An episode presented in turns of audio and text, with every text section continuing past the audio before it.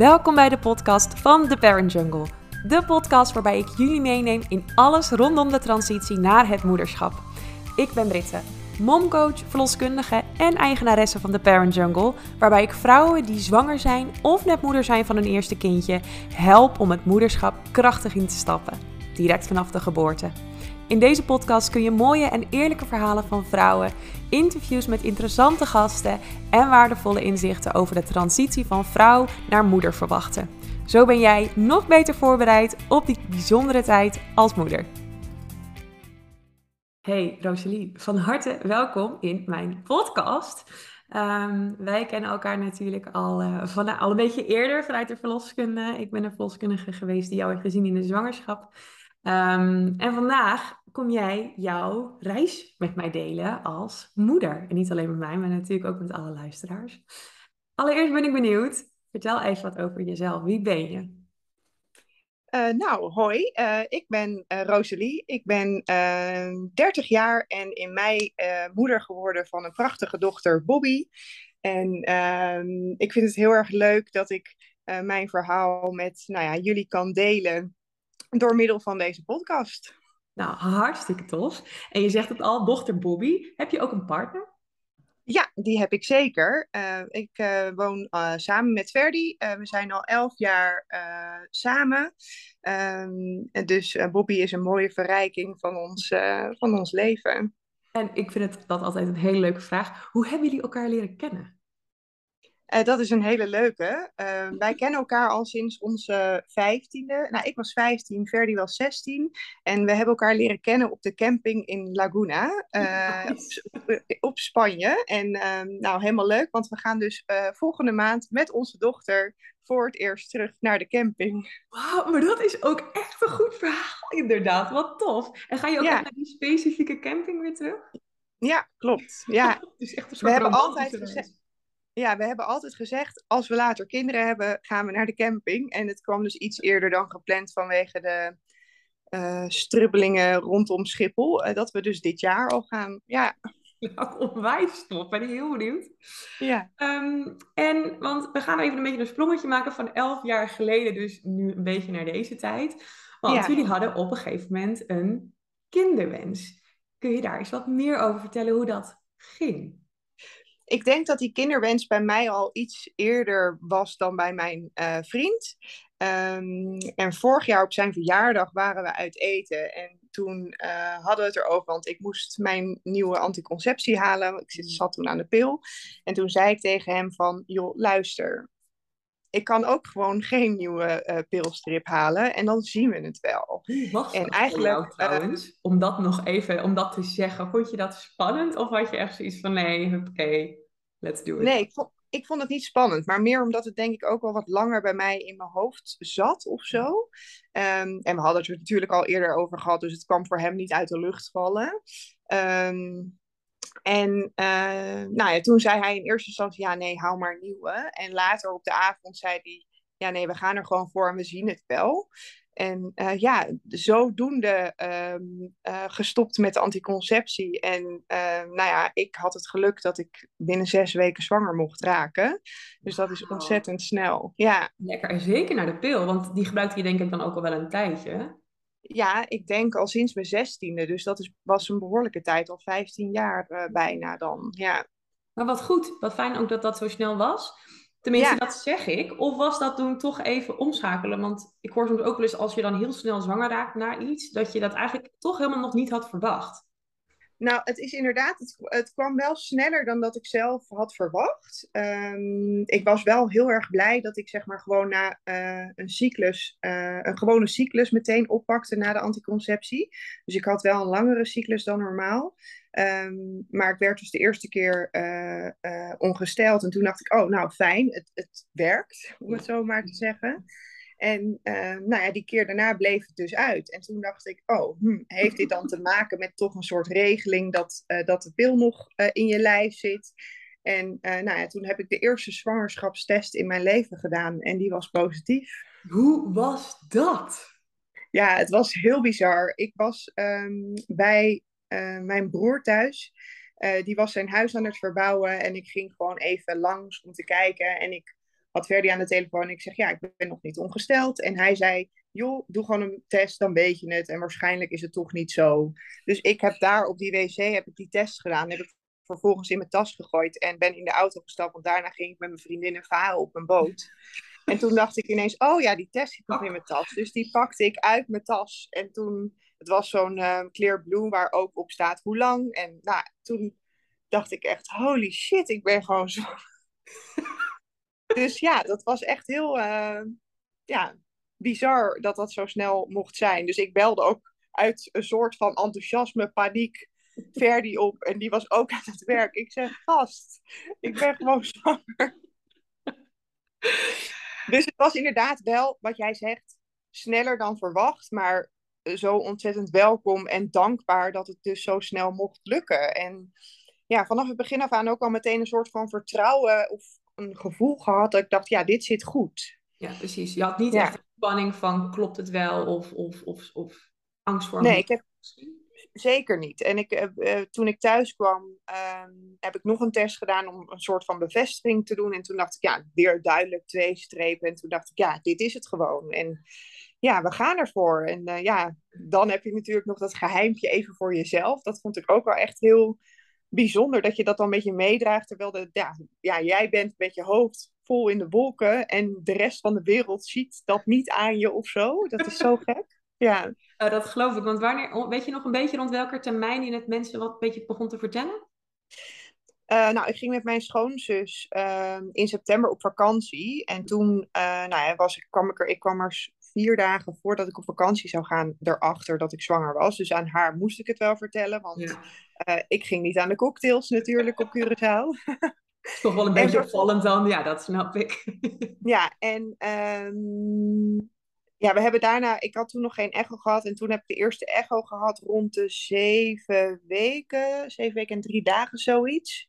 En daarna hebben we het mijn schoonouders en mijn ouders verteld. En uh, de mensen die echt heel dicht om ons heen staan. En um, uh, ja, later hebben we het pas verteld. En heb ik het gedeeld op social media om het gewoon een soort van out of the open te gooien. En dat was wel echt met uh, na elf weken en vijf dagen of zo had ik, had ik dan de termijn echo. En toen hebben we het gedeeld ja, toen je eigenlijk een beetje dus het zit goed en het voelt goed. Ja. En we hebben ja, de, de inner circle gehad. Ja, ja, ja. ja. Hey, en als we nog een klein beetje teruggaan voor de zwangerschap. Heb jij altijd al een beetje een beeld gehad van hoe het is om moeder te zijn? Had je daar een verwachting of een, misschien een beetje een droom zelfs over? Nou, ik werk al mijn hele leven met kinderen. Ik werk in, in een kinderdagverblijf. En um, ja, ik vind het fantastisch om voor andermans kinderen te mogen zorgen. Uh, dus ergens had ik ook wel dat ik dacht, ja, het lijkt me zo bijzonder om voor mijn eigen kindje, ja, dat met mijn eigen kindje ook mee te mogen maken. En dat is natuurlijk zo anders dan voor een andermans kindje zorgen. Maar ik heb altijd wel echt de droom gehad om moeder te worden. Dat ja, leek me echt fantastisch. En uh, ja, ik heb altijd affiniteit met kinderen gehad. En ja, het, het, is, het is denk ik niet je kan je het niet voorstellen totdat je het meemaakt. Dat denk ik wel echt. Precies, dat, dat hoor ik ook echt wel heel veel vaker. Dus die ja. ook helemaal. En want je zegt wel van ik had er dan, ik, hoe zag het er dan voor jou uit in jouw hoofd, het zijn van moeder? Had je daar een beeld bij? Um, ja, daar had ik wel een beeld bij. Ik denk wel dat je uh, het, stukje verantwoordelijkheidsgevoel, dat je dat zeg maar van tevoren wel in kan denken dat dat enorm is. Maar ook dat is in, in, in de werkelijkheid nog tien keer zo erg, zeg maar. dus wat dat betreft, um, ja, ik, denk, ik ben wel echt van mening dat je dit pas ervaart wanneer je, wanneer je het meemaakt. En uh, ja, het is het mooiste wat er is. Maar ook het meest, het, ik zeg steeds, het is, het is intens in alle vormen. Het is intens mooi, het is intens zwaar, het is, je bent intens verliefd op je kind. Maar af en toe denk je ook, oh, wat, wat, wat is er aan de hand? Wat moet ik doen? Um, ja, het is, het is gewoon in één woord intens, het moeder zijn. Ja. Je vind het echt een hele mooie samenvatting, want ik denk dat je daar ook echt de spijker op zijn kop slaat. Intens in de positieve, maar ook in de negatieve dingen. Het is op elk vlak gewoon iets wat je gewoon niet kan omvatten of zo. Nee, nee, nee, dat is ook zo. Het is ook heel moeilijk om het, denk ik, te verwoorden wat je dan ervan had verwacht en hoe het uh, in de werkelijkheid uiteindelijk is. Die kan ik me indenken, zeker. Want precies wat je zegt, je hebt geen idee. Het is, het is zo groot. Ja, die snap ik. Ja. Hey, en dan hebben we dus uh, de termijn echo gehad. Voelde je toch al een beetje, voelde je je al moeder? Nee. Nee. Nee, nee ik uh, merkte ook heel weinig aan mijn lijf. Um, dat begon eigenlijk echt pas een beetje met 20 weken dat je het begon te zien. Dus dat is ook best wel nou, vrij laat. Uh, ondanks ik heel uh, nou ja, een slanke bouw heb, uh, ja, duurde dat wel lang voordat het enigszins zichtbaar was. zo aan het einde van de avond had ik dan wel een beetje, zeg maar, een, een, een, een klein polletje. Um, maar verder qua ja, ik denk ook gewoon ook omdat ik me gewoon goed heb gevoeld, zeg maar, vooral in het begin van mijn zwangerschap. Ja, ik was wel wat wisselijk, maar ik voelde me niet meteen dat ik dacht, oh ja, ik ben moeder. Nee, nee, nee, dat bij mij later gekomen. Eigenlijk pas toen ze geboren was. Nou, ik, daar komen we nog wel even op terug, want ik ben heel benieuwd waar dat moment dan ook precies zat. Ja. Um, 20 weken echo, hoe was dat? Was dat nog een, een, een mijlpaal die je spannend vond of, of iets waarvan je dacht, nou, nou, het is wel iets waar je echt naartoe leeft, merkte ik zelf. Dus dat je echt, je bent dan natuurlijk en halverwege je zwangerschap, dat is al een mooie mijlpaal. Maar wat betreft zeg maar het, uh, het stukje, het medische stukje rondom de 20 weken echo, heb ik me, heb ik me geen zorgen gemaakt. Ik, ik keek eigenlijk altijd wel echt uit naar de echo's. Um, ook omdat ik haar niet goed voelde, omdat mijn placenta aan de voorkant lag, was het toch een soort van bevestiging. Um, nou, het, het, gaat goed. En um, ja, dat vond ik wel echt heel erg fijn. En een soort geruststelling. En wat je in het begin hebt, heb je natuurlijk ook uh, tussen de termijn-echo. Ja, wij hebben dan ook een geslachtsecho gedaan. En die 20 weken echo zit een heel leeg stuk. Ja, ja. En dat vond ik soms wel moeilijk. En vooral omdat ik haar ook nog niet voelde, dat ik soms dacht, ja, gaat het wel goed? Ja, want dat is grappig, want dit hoor ik eigenlijk jou voor het eerst nu zeggen. Want eigenlijk had je heel veel vertrouwen in je lijf en in haar. Maar toch, met name die bewegingen was denk ik dan dus even een stukje waar je de bevestiging misschien even nog nodig had in het begin. Uh, En die er dan dus ook gewoon nog even niet is. Wat ook normaal is, maar wat ik me kan voorstellen, wat dus wel wat, wat zorgen geeft. Wanneer voelde je haar voor het eerst echt bewegen waarvan je dacht, ja, dit is het? Uh, ja, volgens mij was dat met 23 weken pas. Ja. En even voor de luisteraars, ik ben natuurlijk ook verloskundige. Het is normaal dat je je eerste bewegingen van je kindje tussen de 15 en de 24 weken voelt. En, um, maar ja, gemiddeld voel je het een beetje zo rond die 20 weken voor het eerst. Dus ik kan me heel goed voorstellen als je dat niet voelt, dat je daar toch een beetje ergens een, een stemmetje van krijgt van hoe gaat het wel goed. Hoe was het, die eerste bewegingen? Nou, het was eerst dat ik dacht, huh? Voelde ik het nou goed? Of ja, je, je, je, het is natuurlijk iets wat je nog nooit eerder hebt gevoeld. Um, en ja, het was echt onwijs bijzonder. Ik lag op de bank um, een beetje te rusten en ineens voelde ik aan de zijkant, het was toen een soort van klein plopje was het eigenlijk nog, zo omschrijf ik het. En um, later op die avond kwam het nog een keer. En dat, toen dacht ik, oh ja, het, dit, dit is het. Dit, dit is uh, die kleine die voel in mijn buik. Ja. En uh, ja, vanaf dat moment ben je er veel bewuster van dat ze dus beweegt. En um, ja, dat was wel echt heel erg bijzonder. Ja, en, en betrok je Ferdi daar ook bij? Ja, alleen het uh, was een eigenwijs draakje, want zodra de hand van, uh, van haar vader op haar buik ging, dacht ze, joe, joe, dat gaan we niet doen. en ja. vaak was ik dan ook wel te laat, want ik was dan steeds, oh, voel, weet je wel. Dan was ik heel trots dat ik er dan even voelde en wilde ik ook graag dat hij het zou voelen. En dan kwam hij met zijn hand voor de honderdste keer uh, op mijn buik. En toen zei hij, ja, ik voel niks. En dat is denk ik ook wel het gevoel, want ik voel het natuurlijk en inwendig en uitwendig. Dus ik denk dat dat ook wel een verschil is dan uh, voor de vader. Mijn koffiezetapparaat die gaat nog even uit op de achtergrond. Dus dat is oh. wat, wat, je, wat, jullie nu allemaal horen. Um, ja, maar dat, dat snap ik ook echt wel. En soms als er dan wel wat... Um, wat verder bent in de zwangerschap, worden die bewegingen wat krachtiger. Heeft hij het uiteindelijk wel ooit mogen voelen of ja, heeft hij het heel flauw gedaan? Nee, zeker. Hij heeft het uiteindelijk gevoeld. En uh, het, het zichtbaar, eigenlijk is het bij mij nooit heel goed zichtbaar geweest vanwege het feit dat die placenta aan de voorkant lag. Dat was heel sporadisch. Dat, dat als ze, ik denk als ze echt gewoon goed bewoog, dus wellicht van de ene kant naar de andere kant bewoog toen ze wat groter was, dat je het dan zag op mijn buik. Maar ik heb er nooit een duidelijk filmpje van kunnen maken uh, die je wel eens voorbij ziet komen op uh, social media. Nou moet ik ook zeggen dat dat ook veel meer de uitzondering is dan de regel. Echt die extreme, waarbij je echt die, die, die nou, hele kleine bultjes ziet die dan heel scherp afgrenzen op je huid en dat je dat ziet bewegen. Dat zien we eigenlijk in de praktijk minder dan inderdaad wat meer geschuifel misschien. Ja. Um, dus dat is ook eigenlijk helemaal niet gek. Er is gewoon alleen een beetje een bepaald beeld van, van of zo op social media. Dus uh, eigenlijk gewoon heel normaal, fantastisch. Ja, Hey, en als we dan een beetje verder gaan in die zwangerschap, want op een gegeven moment ging je natuurlijk richting die bevalling en richting die kraamtijd. Was je ook bezig met die tijd daarna of stopte het eigenlijk een beetje bij de bevalling?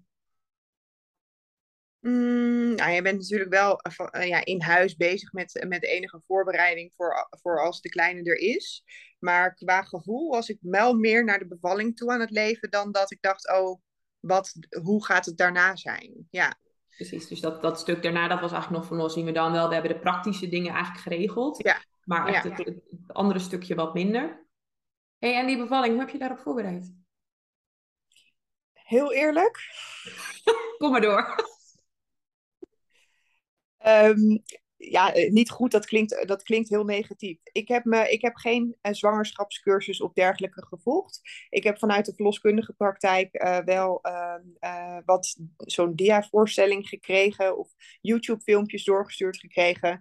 Daar heb ik naar gekeken. Ik heb um, een boek, Bes Beskruid met muisjes. Die heb ik doorgelezen over dat stukje bevalling. Maar voor de rest dacht ik echt, oké, kom maar op, mijn lijf gaat dit wel regelen. En um, ik wilde me daar eigenlijk ook niet te veel in verdiepen. Dat is ook een keuze, want je zegt eigenlijk, ik heb, je, je begint eigenlijk, ik heb me niet goed voorbereid, maar eigenlijk wat ik hoor, je hebt je wel degelijk voorbereid. Um, en eigenlijk volgens mij ook goed genoeg. Uh, want ik ben natuurlijk wel bij jouw bevalling geweest, dus ik weet een beetje hoe het gegaan is. Maar volgens mij, wat je, de voorbereiding die je hebt gedaan, was volgens mij prima ja, ergens dacht ik, ik vind het wel fijn om wat algemene informatie um, uh, te hebben erover. Over welke fases je hebt in een, in een bevalling en dergelijke. Maar, maar verder dacht ik, ja, vertrouwde ik eigenlijk wel gewoon op mijn lijf. Ja. ja. En dat is ook heel veel waard, hè? Eigenlijk is, er ook, is dat natuurlijk super. Het, het hoeft ook niet meer dan dat soms te zijn. Ja, en je hoort natuurlijk van van ja, zoveel verschillende vrouwen om je heen. En vooral als je zwanger bent, krijg je de meeste verhalen naar je toe gegooid um, uh, over, over verschillende bevallingen. En ja, er is er gewoon geen één hetzelfde. Dus daardoor dacht ik ook, ja, in hoeverre kan je je er zodanig op voorbereiden dat het gaat zoals het gaat in je hoofd? Is ook zeker. Vond je die verhalen soms wel eens lastig? Heb je daar wel eens moeite mee gehad? Of dat dingen in je hoofd? Nou, wat me, wat me wel opvalt, is dat de meeste negatieve verhalen hebben. Mm. En uh, dat ik me dus achteraf na mijn bevalling daar, daar mezelf niet in terug kan vinden, om het zo maar te zeggen. Um, ja, gelukkig zeker. Daar ben ik ook heel blij mee. Maar eigenlijk um, hoor je veel meer negatieve verhalen dan, dan, dan positieve verhalen. En eigenlijk is dat ja, best wel zonde. Eens. Eens. Want dat is ook, weet je, als ik dan kijk naar, naar vrouwen die ik op mijn spreekuur krijg, dan hoor ik dit heel vaak. Van ja, ik hoor van die en die dit. En het is één toestand en het is zwaar en pijn. Terwijl je de goede verhalen, en natuurlijk bevallen doet pijn, maar die verhalen hoor je niet. Of die blijven niet hangen. Want dat zien we ook nog wel eens. Dat je brein is natuurlijk ook zo geprogrammeerd om negativiteit beter op te slaan dan positiviteit. Dus dat is ook nog een factor. Maar ik ben het wel met je eens. We zien veel meer de negatieve verhalen die worden gedeeld. Um, en het is natuurlijk een beetje een grote vraag, maar stel dat jij dat zou mogen aanpakken, um, wat zou je vrouwen dan willen vragen om meer te gaan doen? Bedoel je uh, um, qua het delen van uh, een verhaal? Ja, zou je dan zeggen daar opener over zijn, meer delen of... of...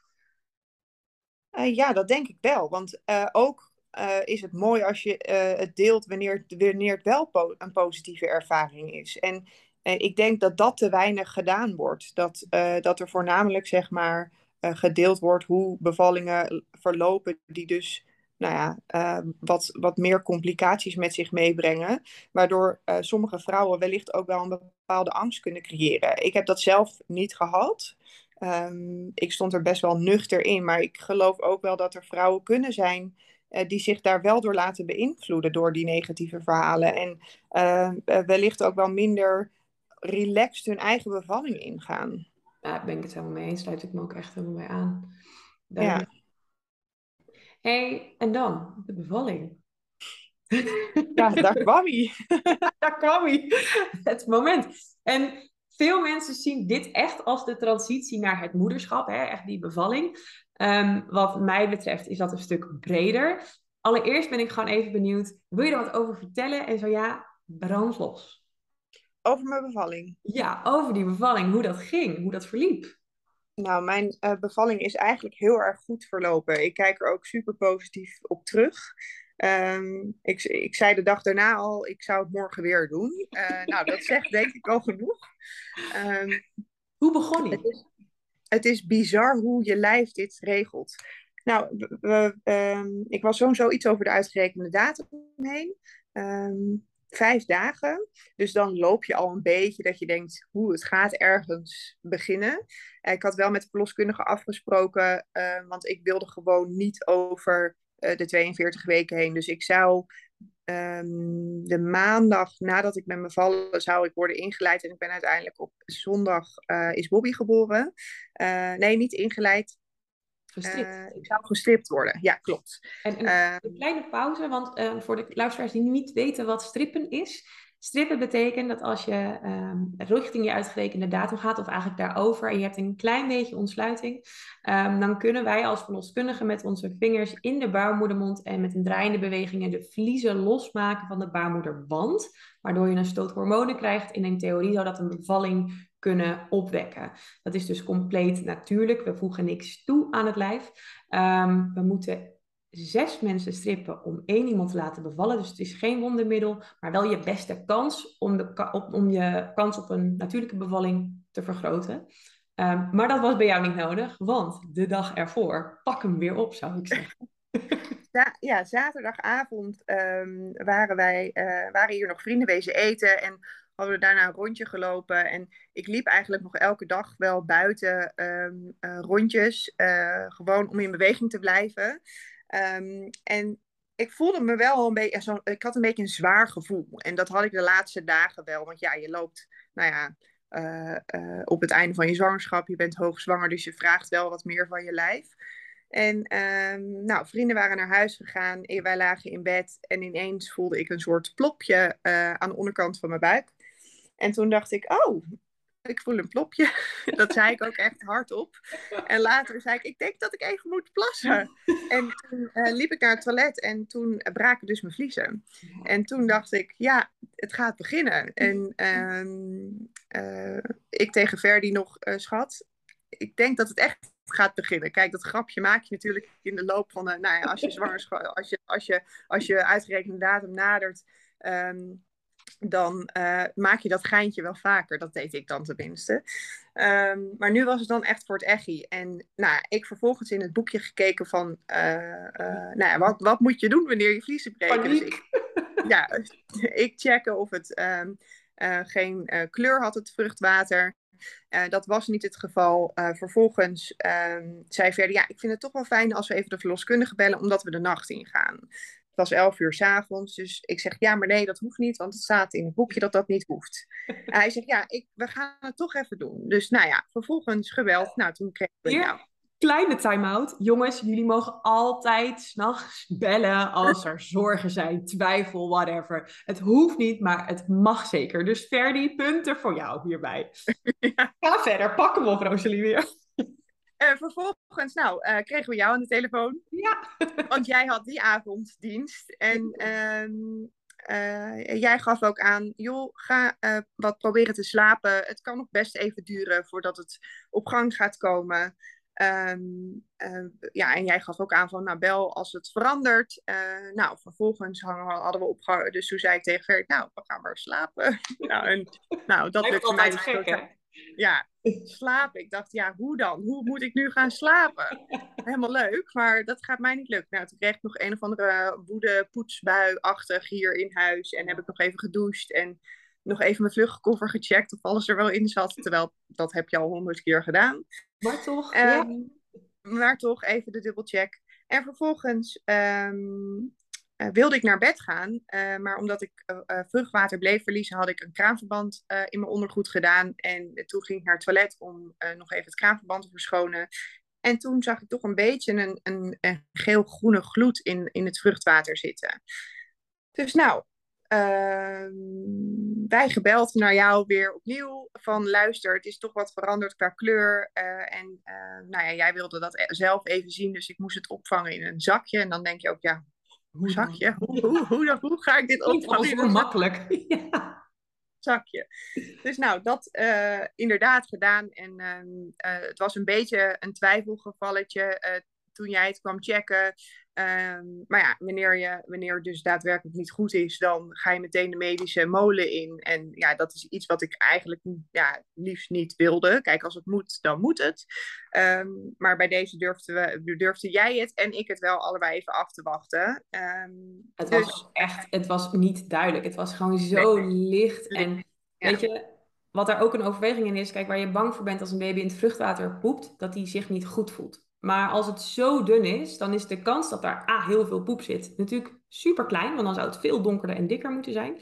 En je bent bang dat de baby dat dan tijdens de bevalling inslikt, of eigenlijk in zijn longen krijgt en daardoor niet goed ademt. Maar bij dat hele dunne, als er hele dunne poep zit, ja, dan gebeurt dat eigenlijk niet. Nou, dus dan kijken we het eerst aan, wordt het later duidelijker als het een ander verhaal. Maar dat werd het eigenlijk niet. Het bleef, heel, het bleef eigenlijk gewoon, naar mijn idee, helder. Ja. ja. Um, voor mij fijn dat jij alsnog even die check kwam doen, omdat uh, het is toch een bepaalde geruststelling. Um, en vervolgens was jij uh, de deur uit. En toen zei ik tegen je, nou ja, dan gaan we maar echt even proberen te slapen. En dat was rond een uur of uh, nou, kwart voor twee, twee uur s'nachts. Denk ik. En om half, ik kon natuurlijk niet slapen. Verdi die is uiteindelijk wel in slaap gevallen, gelukkig. Mm. En om half drie um, kreeg ik een kramp. En toen dacht ik, ja, oké. Okay gaat dit het, gaat dit het nu zijn? En het was een beetje een menstruatieachtige kramp. En het was heel sporadisch. Dan kwam het uh, om de vijf minuten, dan om de, nou, na een kwartiertje. Uh, tot half vier. Uh, toen, toen dacht ik, oké, dit wordt serieuze shit. en vervolgens, um, ik had een weeëntimer gedownload op mijn telefoon. Ik vond dat zelf heel erg prettig. ik had ook al even gekeken voorafgaand van hoe werkt dat precies uh, moet je gewoon een, een, knopje aandrukken wanneer uh, je de wee begint, uitdrukken wanneer die weggaat. En zo houdt hij precies bij om de hoeveel minuten en hoe lang je wee duurt. Um, en het kwam er eigenlijk op neer dat ik om de 2,5 minuut een wee van een minuut had. Um, anderhalf uur later uh, heb ik Verdi wakker gemaakt en die schrok eigenlijk een beetje van mijn situatie, want die had dat hele stuk een soort van gemist. Die hele en ik aanloop, heb... die heeft gewoon jou opeens poef met weeën gezien en daarvoor nul. Ik snap wel dat hij even dacht, god. En, het, en daarin is het echt mijn keuze geweest om hem niet wakker te maken en dit deel gewoon op mezelf te doen. Ik heb ook best wel lang onder de douche gestaan om die, om die ontsluitingsweeën nou ja, op te vangen. Um, ik merkte dat ik het wel fijn vond om dit gewoon in mijn eigen bubbel, om, om, om het zo maar te zeggen, te doen. In plaats van iemand die naar me zit te kijken of me wellicht ondersteunt. Maar uh, ja, ik, ik heb dat wel echt al ja, als prima ervaren om dat gewoon alleen te doen. Um, nou, en vervolgens zei verder, ja, ik ga bellen, want die dacht, wat gebeurt hier? Dus nou ja, vervolgens uh, was het geloof ik uh, nou, kwart over vijf, zoiets uh, jou gebeld en, en, jij zegt, nou, ik kom wel, ik kom eraan. En dan heb je altijd een beetje het gevoel dat je, ja, je hoopt dat je niet voor niks belt. Terwijl, heb ik ook... nogmaals, luisteraars, dat is ook heel vaak het geval. En dat is zo oké. Ja, en dat zei ik ook tegen, ik, volgens mij heb ik dat tegen jou ook gezegd toen we in de rolstoel naar, naar de afdeling reden uiteindelijk. Um, van ik, ik, doe het niet voor niks. Maar um, nou, toen kwam jij en um, ja, gaf meteen aan, oh, je, je bent nog wel helder tijdens je, je, je rustmoment, zeg maar. En in mijn wee uh, was ik uh, niet goed aanspreekbaar en moest ik gewoon heel even focussen op mijn lijf. En nou, toen ging, ging jij checken hoeveel centimeter ontsluiting ik had. En toen uh, ik weet nog, jij, jij wreef een beetje over mijn benen. En toen zei je, meid, je zit al op 7 centimeter. En toen dacht ik echt, halleluja. Ja, er gebeurde echt van alles bij jou hè, op dat moment. In je hoofd. Ja, ja het, het was ook een stukje emotie wat loskwam. Want toen dacht ik, oké, okay, ik, ik denk eigenlijk, als je me vraagt van op welk moment voelde je echt dat je moeder ging worden? Ik denk dat moment. Vertel, ik ben heel benieuwd. Ja, ja je, je, je, het feit dat je weet dat je 10 centimeter ontsluiting moet hebben om eh, een kindje op de wereld te kunnen zetten. Eh, en het feit dat jij tegen mij zei, je zit op 7 centimeter, toen dacht ik, oké, het, gaat gewoon, het gaat gewoon gebeuren. En het komt goed. Wat, maar wat mooi ook, hè? want eigenlijk zit daar weer superveel kracht in. Even dat besef van, ik ben al richting het einde. Het gaat gewoon hartstikke goed, het gaat snel. Ik kan dit ook, want je deed het ook gewoon. En inderdaad, die vertaling, want ergens was je toch al wel bezig met, oké, okay, daar gaat echt een baby komen en die komt binnen. Tuurlijk. Heel gaaf. Ja, en, er, en, en eigenlijk eh, door dit nu zo te vertellen, besef ik me dat dat het moment uh, is geweest. Vandaar ook misschien die emoties. Ja, ja, en inderdaad, de tranen rolden over mijn wangen. En ik, eh, ja, toen was het ook heel even een soort van regel. Uh, toen moesten we even uh, terug naar de realiteit. Want jij vroeg toen aan ons, willen jullie nog naar het ziekenhuis? En toen zei Verdi meteen, ja. Die stond er eigenlijk al bijna, die was al bijna daar, ja. En achteraf gezien had ik het misschien ook wel thuis kunnen doen. Maar het was in ons. We hadden gewoon bedacht: oké, ik wil graag in het ziekenhuis bevallen. Want dan hebben we alles bij de hand voor als het nodig is. Uh, kijk, achteraf is dat natuurlijk makkelijk zeggen, want dat is het niet geweest. Uh, uh, we hebben geen gekke medische dingen gehad. Dus het had thuis gekund. Maar uh, eh, 7 centimeter, uh, toen was het even schakelen, want we wilden naar het ziekenhuis. En we moesten wel een beetje rapido naar het ziekenhuis, omdat het einde natuurlijk al naderde. Want eigenlijk had jij toen, als we terugkijken, twee uur lang goede weeën. Dus dat ging met een bloedvaart. Bloedgang, ja. Dus die auto in, ja, die auto in. Ik was, uh, we liepen naar buiten. Oh, dat is ook wel grappig om te vertellen. Je hebt altijd een beeld in je hoofd van: oké, dit doe ik aan naar het ziekenhuis. En uh, dit doe ik aan tijdens mijn bevalling. Dat had ik tenminste. En op het moment dat jij zei: oké, we gaan, we moeten dan wel naar het ziekenhuis toe. Toen zei ik, te, toen, zei ik tegen Werner: ik moet kleren aan. Um, en vervolgens zegt hij: ja, wat wil je aan? Toen zei ik: ja, boeit me niet. Geef me alsjeblieft iets ik moet het aan en we moeten gaan. En achteraf vind ik dat zo grappig. Dat je dan voorafgaand al bedenkt wat je aandoet, maar dat je het op dat moment allemaal geen bal interesseert. Nou, vervolgens in die auto, nou, alsnog met weeën.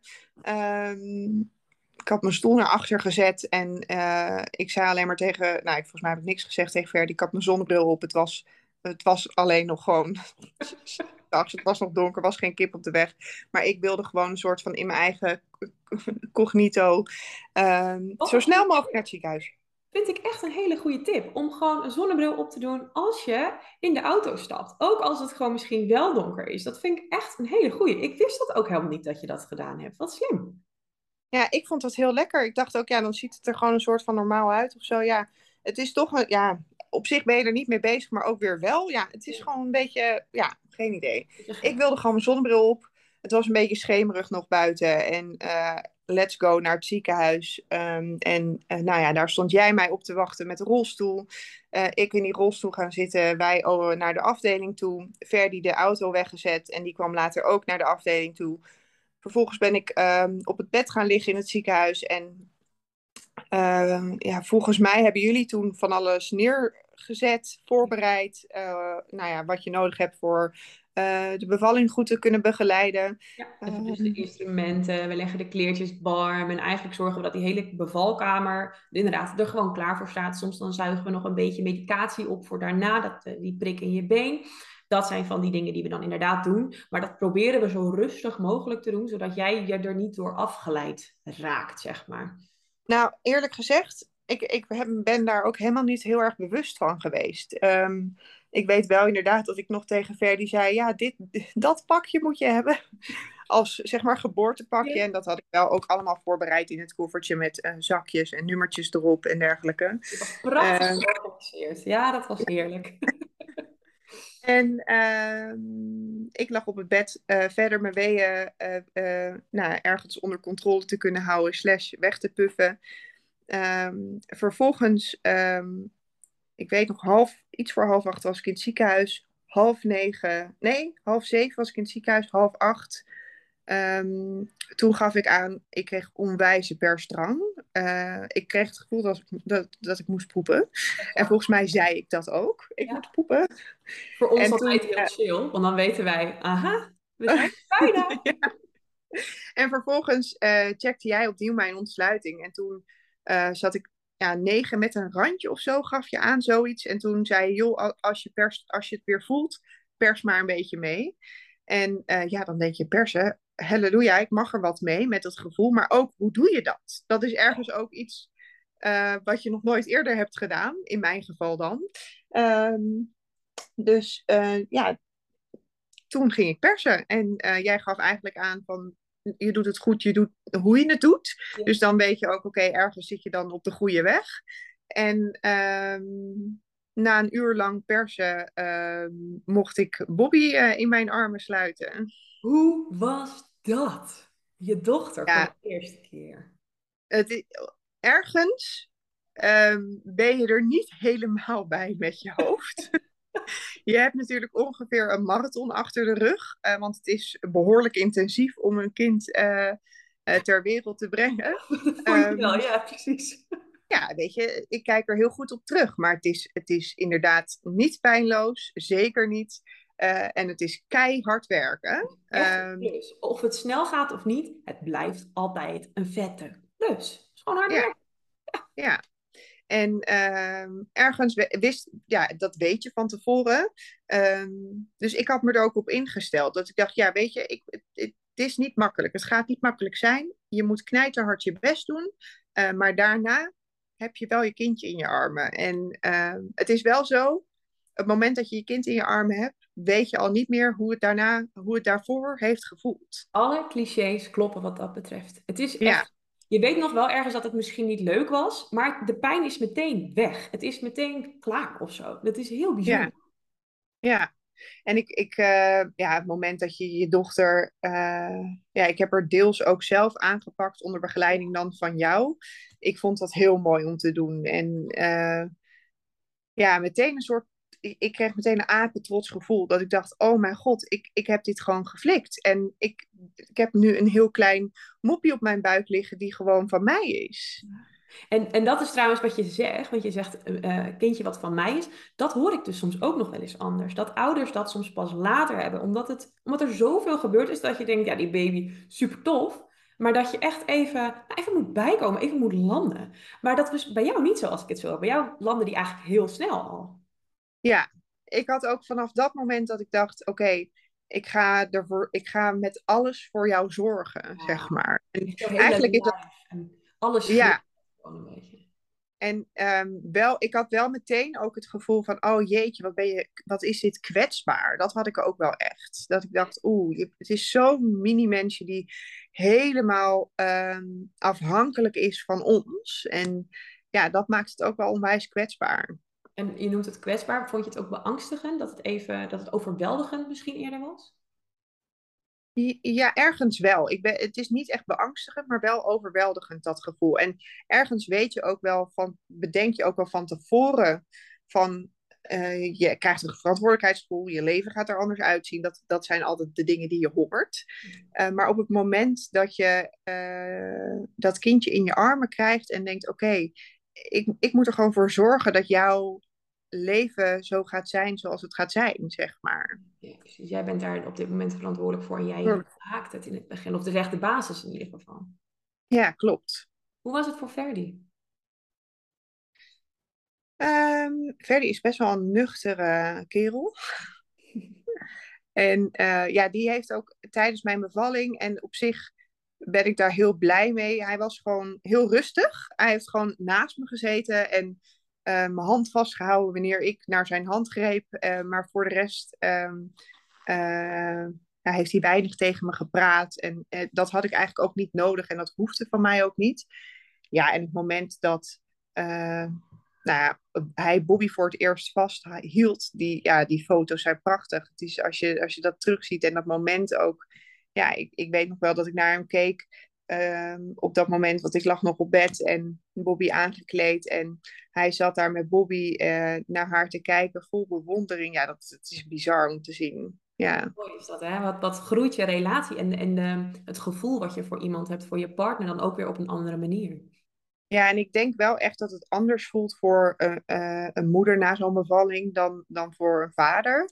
Um, ik denk wel dat dat wat langer duurt voordat ehm, dat gevoel bij een vader komt in ons geval dan. Hoe lang heeft dat voor Verdi geduurd? Heb je daar een idee over? Nou, eigenlijk niet. Ik, uh, die vraag heb ik hem niet gesteld. Hij, weet je, hij is wel vanaf het eerste moment natuurlijk super zorgzaam en eigenlijk nog iets alerter dan dat ik zelf was. Ik had eigenlijk meteen ook, en vooral als toen we s'avonds al thuis waren in het wiegje, uh, dat hij er meer een soort van het spannend vond met betrekking tot ik check even of het nog goed gaat. Uh, daar had ik sneller vertrouwen in dan dat hij dat had. Ja, precies. Dus hij was er nog een beetje, misschien een beetje zoekende in. Zoekende. Ja, zeker. Ja. ja. Hey, en als we dan een beetje naar die kraamtijd gaan kijken. Allereerst, heb je het, kun je zeggen dat je op een roze wolk hebt gezeten? Zou je dat zo benoemen? Ja, onwijs. Maar ook een intense wolk in zeg maar de positieve en de negatieve zin. Ja. Wel. Ja. Um, Laten we nou beginnen bij de positieve dingen. Wat waren dingen waarvan je dacht, van, dat zijn echt van die mijpalen geweest of dingen waar ik super trots op ben? Um, nou ja, kijk, je komt natuurlijk thuis met je kindje en uh, bij mij was dat dus ook vrij vlot na mijn bevalling. Uh, half negen is geboren en om half twaalf liepen wij met een gevulde maxi-cosi het huis binnen. Uh, je hebt dan wel echt zo dat je denkt, oh ja, en nu?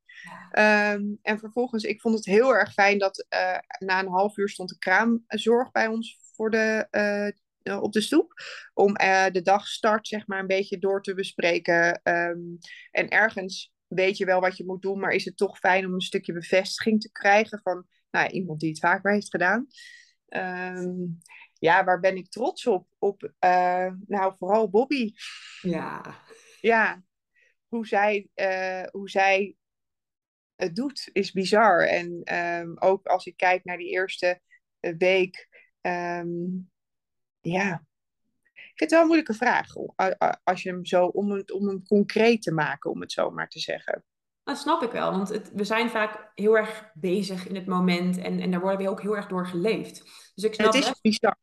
Wat jij zegt, geleefd, dat word je. Het feit dat er ook random mensen ineens komen zonder te bellen om, uh, om een gehoortest te doen bij je kindje. Um, um, uh, Bobby zag wat geel, dus daar moest bloed voor worden afgenomen om te checken. Uh, dat zijn dingen die mensen die komen dan ineens gewoon, die staan gewoon op de stoep. En dat overviel mij soms wel, dat ik dacht, oh, huh, oké, okay, uh, goedemorgen, ik zit hier nog, uh, maakt allemaal niet uit, maar ja, het had fijn geweest dat ik het even had geweten. En, dus dat soort dingen, ja, je doet het, maar het, heel veel dingen overvallen je ook wel. Ja. en als we dan kijken naar, want heb jij borst- of flesvoeding gegeven? Of ben je ergens mee gestart of geëindigd? Uh, ik, ik, wilde heel graag borstvoeding geven. En uh, dat is iets wat uiteindelijk ook is gelukt. Maar de weg er naartoe was niet heel erg makkelijk. Um, ik heb altijd gezegd, ook tijdens spreekuren komt dat natuurlijk ook ter sprake van uh, waar gaat je voorkeur naartoe. Um, en ik zei van ik wil heel graag borstvoeding proberen, maar als het niet lukt, ook goed, dan geven we een flesje uiteindelijk had ik nooit verwacht dat ik zoveel voor borstvoeding over zou hebben. um, dat is echt bizar. Um, het moment dat zij geboren was, wilde ze eigenlijk meteen um, ook naar mijn borst. En ze hapte ook direct aan, uh, aan mijn tepel. En vervolgens uh, de dag daarna uh, nog steeds. Tot dag twee van de kraamweek. Dus was de, de derde dag voor haar, zeg maar toen wilde zij niet meer um, aan mijn borst en raakte heel erg overstuur van het feit dat ik, het, dat ik haar wilde aanleggen. Um, zonder de kraanzorg, want die was weg, want het was avonds. Dus uiteindelijk zei ik tegen Ferdi van, joh, zullen we anders gewoon een flesje geven? Of ik ga kolven, kijken wat er uitkomt en dan geven we dat in een flesje. Toen kwam ik er dus achter dat ik geen uh, melk uh, kolfde. Dat kan natuurlijk wel een verschil zijn, geloof ik, tussen uit je borst drinken en dat, um, dat je qua productie uit, uit, uit de kolf. Um, maar ja, dat was voor mij wel een teken dat ik dacht, oh ja, ik denk dat ik gewoon te weinig borstvoeding op dit moment nog heb voor haar om haar te, te verzadigen toen zaten Verdi en ik allebei te huilen op de bank. Want ik dacht alleen maar, shit, mijn kind heeft al twee dagen niks gegeten. Um, en vervolgens hebben we dan 24 uur lang, nee, tot de volgende ochtend flesjes gegeven. Uh, tot de kraamzorg er was. En toen zei de kraamzorg tegen mij, hoe graag wil jij borstvoeding geven? Dat is dan ook best wel even een moeilijke vraag, lijkt mij. Ik wist er heel snel antwoord op te geven. Toen zei ik, ja, ik wil er alles voor hebben gedaan om het te laten lukken. En als het dan niet lukt, dan lukt het niet. Maar dat is dus Ver... al anders dan wat je daarvoor zei. Dat is in drie dagen omgeslagen. Het is en, en dat echt bizar wat borstvoeding met, met mij als moeder heeft gedaan. En dat had ik nooit van tevoren verwacht. Wil je nou, verklaren waar dat dan vandaan kwam? Waar dat dan vandaan kwam dat je dus toch die, die switch wel had gemaakt ergens? Nou, ik denk om het feit dat Bobby in eerste instantie dus heel erg uh, naar mijn borst zocht. Uh, mijn lijf het op dat moment nog niet zo had gereguleerd dat het goed werkte. Um, en dat die combinatie, denk ik, dat dat gewoon een soort trigger heeft gemaakt. Dat ik dacht, ja, zij wil het wel. Mijn lijf doet, doet het op dit moment nog niet zoals het zou moeten. Um, maar als ik het nu opgeef, dan krijg ik het nooit meer terug. Ja, precies. Ja. Dus Verdi heeft een borstkolf gehaald bij uh, de apotheek in het ziekenhuis. Um, en dat is een, een, een, een kolfmachine die dan een bepaald programma uh, erop heeft staan om naar de borstproductie, uh, de melkproductie op gang te krijgen. Uiteindelijk heb ik dat 24 uur lang gedaan op een, op een bepaald programma dat, je, dat ik ook lekker midden in de nacht gewoon moest kolven en na anderhalf uur weer. Het was super pittig om te doen. Ik ben er echt volle bak voor. Volle bak. Um, en de volgende ochtend kwam er dus uh, 50 cc uit mijn borsten. Yay, en mijlpalen in mijn kraamweek dat ik dacht, yes, ja. het is gelukt. Het, het is toch beloond, het harde werken. Uh, uh, ja. En vervolgens wilde ik Bobby aan de borst leggen en toen weigerde Bobby mijn borst. Dat je dacht, serieus? Ja, en nou, toen um, rolden wel echt de tranen over mijn wangen, want het was behoorlijk intensief. En daarnaast heb je natuurlijk ook nog een kleintje waar je voor zorgt, uh, die dan de flesjes moet krijgen naast het feit dat ik aan het golven ben, um, was dat best wel een uh, intensieve paar dagen. Nou ja, en, je bent moe, je bent aan het herstellen. Er gebeurt zoveel ja. meer dan alleen borstvoeding of kolven. Dus ik snap echt dat jij even dacht van, joh, jongens, why? Ja, hoezo? als het gaat. Um, maar toen dacht ik, ja, dit is nu een kwestie van ook uh, weer Bobby laten wennen aan mijn borst. Want die was natuurlijk 24 uur lang flesjes gewend. En dat gaat natuurlijk een stuk makkelijker dan uit de borst. We hebben toeters en bellen uit de kast ge gehaald uh, samen met de kraamzorg. En uh, daarin eigenlijk opnieuw mijn grenzen verlegd. Tot het moment dat ik met Verdi op de bank zat en hij zei: Roos, dit moet je niet willen op deze manier. En toen zei ik: Oké, okay, we gaan het proberen tot en met zondag. En als het niet lukt, dan lukt het niet. En op zaterdag besloot ze uit mijn worst te gaan drinken. ze dacht, prima als jij die grens stelt. Ik pas me gewoon even aan. Doen we het gewoon zo. En als Inmiddels... ik op mag inhaken als verloskundige. Want ik vind dat zo mooi dat je voor jezelf... Want je hebt je grenzen wel misschien wel overschreden. Maar je hebt ze ook alweer opnieuw gesteld het is wel dat je daar ook aan hield. En ik denk dat dat heel belangrijk is. Het is prima om te schuiven met grenzen. En soms moet je er één over, overheen gaan voordat je het, uh, weet dat je een grens hebt. Maar er zit heel veel kracht in om hem dan gewoon te verstellen, maar er dan ook aan te houden. En ik denk ook dat je daardoor een bepaalde rust creëert, waardoor het ook weer makkelijker gaat. Dat, dat, dat denk ik ook zeker. En ik, ik denk ook wel dat het mooi is om mee te geven dat um, kraamzorg, um, die helpt je heel erg goed bij het geven van borstvoeding als je dat graag wilt.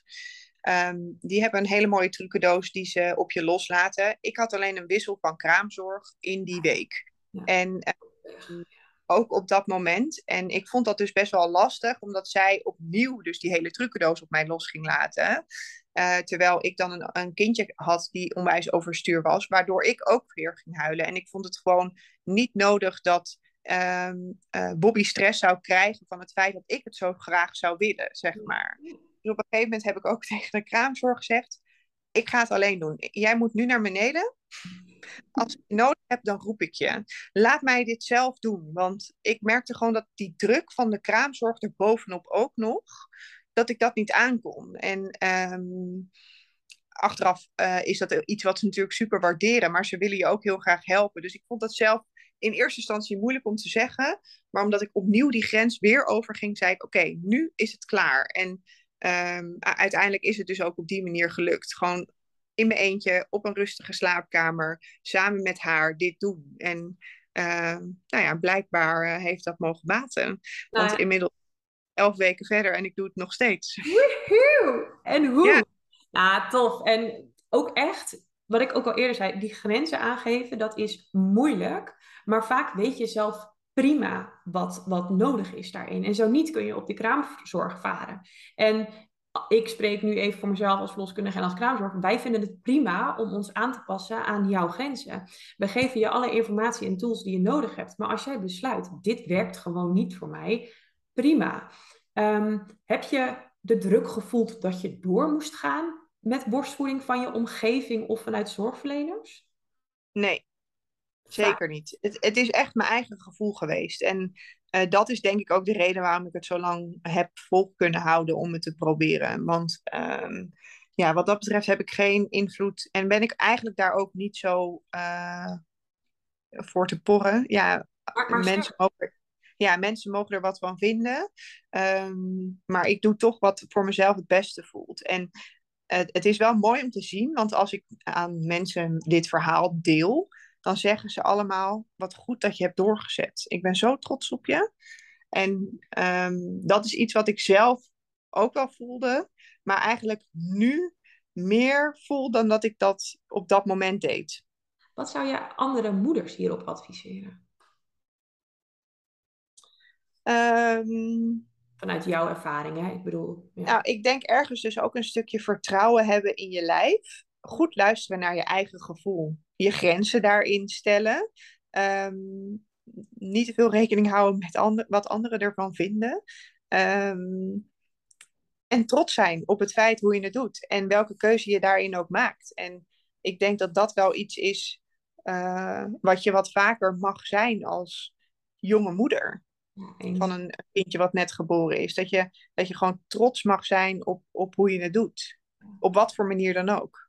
Nou, sluit ik me helemaal bij aan. Ik vind ook altijd, ik zie heel veel um, invloeden van omgeving vaak bij mensen thuis. Dat je ziet dat ze door familieleden of naasten toch zich gaan aanpassen daaraan. En eigenlijk voelt dat gewoon niet lekker. Waardoor je beslissingen gaat maken die eigenlijk helemaal niet bij je passen. Dus ik vind het een heel mooi advies.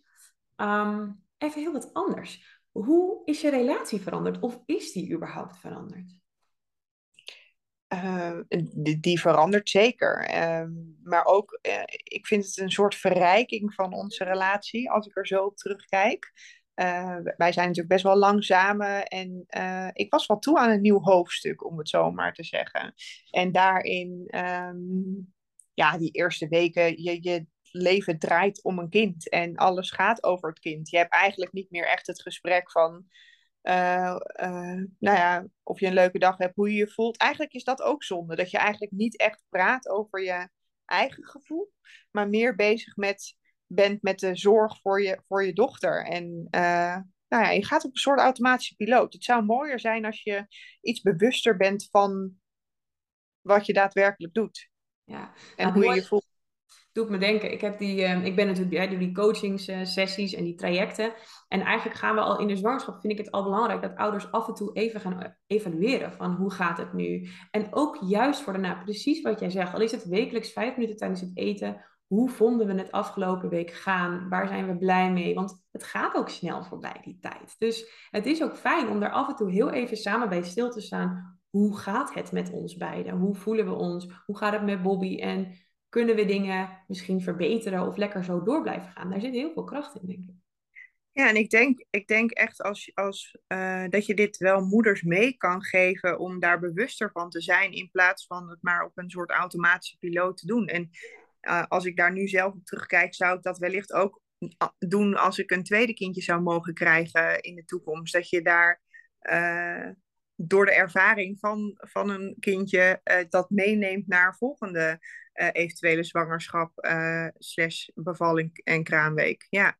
En niet nu om mijn eigen traject natuurlijk te promoten, maar dat is eigenlijk waar ik er dus voor ben. Omdat ik dan dus denk, ja, als je die ervaring nog niet hebt, hoe kom je dan aan die, aan die wijsheden, zeg maar? Nou, en dat is dus waarom ik dat ook zo belangrijk vind. Precies om die reden die jij zegt. Want je weet gewoon niet hoe het gaat zijn. En dan is het gewoon fijn ehm, dat je dat een keertje al gehoord hebt en dat je daar al een keer mee bezig bent geweest.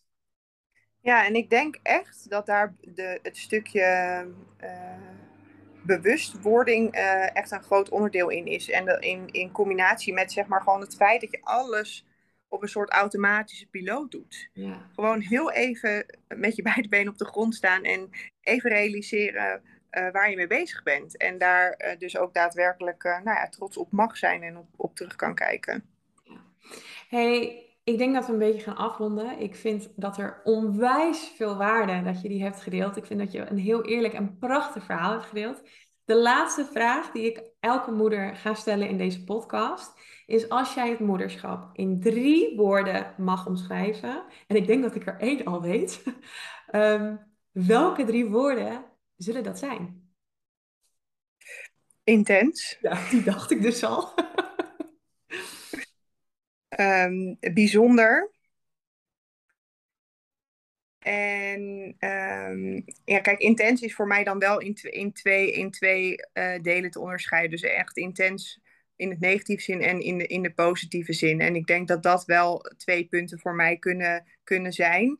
En het is echt het meest bijzondere wat je mee mag maken. Dat is echt bizar wat dit met je doet. Het is zo.